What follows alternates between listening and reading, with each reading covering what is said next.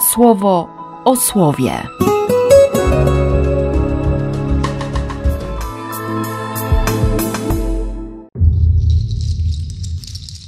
Piętnasty sierpnia, poniedziałek, w niebo wzięcie.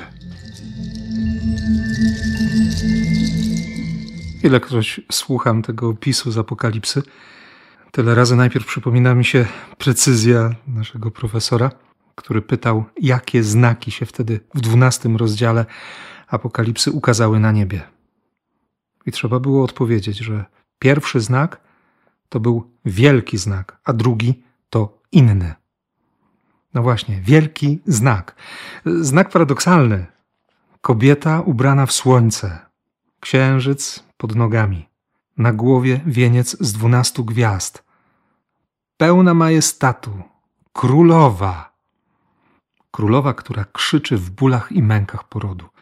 Tak patrzyłem dzisiaj na mszach świętych, na te panie w naszej parafii i, i się zastanawiałem, czy któraś z nich w czasie porodu wyglądała jak królowa, a z drugiej strony przecież e, ich mężowie, ojcowie ich dzieci mogli je tak widzieć w momencie, kiedy przychodziło na świat nowe życie.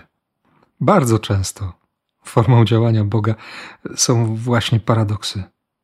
Kobieta, która daje światu nowe życie, jest tak bezbronna, że, że musi się w to wplątać Bóg, musi interweniować Bóg, bo przecież jest inny jeszcze znak.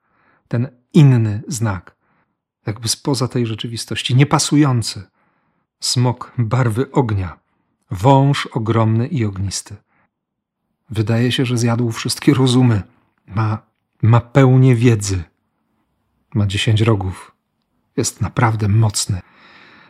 No i siedem koron, siedem diademów. Absolutna władza. I jeszcze jakby od niechcenia zmiata ogonem z nieba trzecią część gwiazd. Plan jest jeden: zabijać, niszczyć.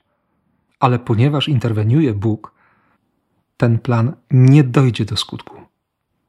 Choćby nie wiadomo, co mi się wydawało, choćbym nie wiadomo, jak był przerażony, plan demona nie dojdzie do skutku, bo interweniuje Bóg. Dziecko porwane do nieba. Kobieta nawet na pustyni, w takim miejscu znajdzie przestrzeń przygotowaną przez Pana. Tam, gdzie jest interwencja Boga, nawet pustynia może rodzić. I dlatego ta córa królewska budzi zachwyt. Cały jej majestat płynie z wnętrza, choć odziana jest w bogato haftowaną szatę ze złotymi frędzlami. Bo to jest łaska. To kim jesteś? To jaki jesteś, jaka jesteś?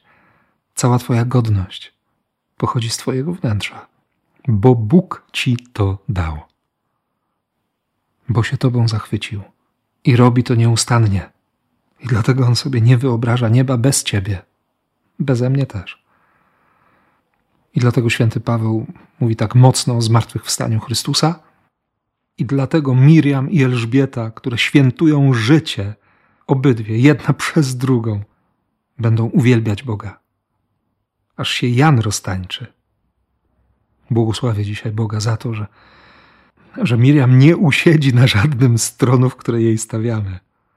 W koronie, w ciężkich szatach, nie. Ona to szybko zrzuca i, i biegnie, by słuchać i służyć.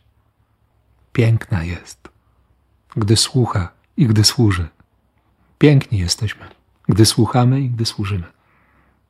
Więc takiego serca Ci życzę dzisiaj i błogosławię, jak tylko potrafię, w imię Ojca i Syna i Ducha Świętego. Amen. Słowo o słowie.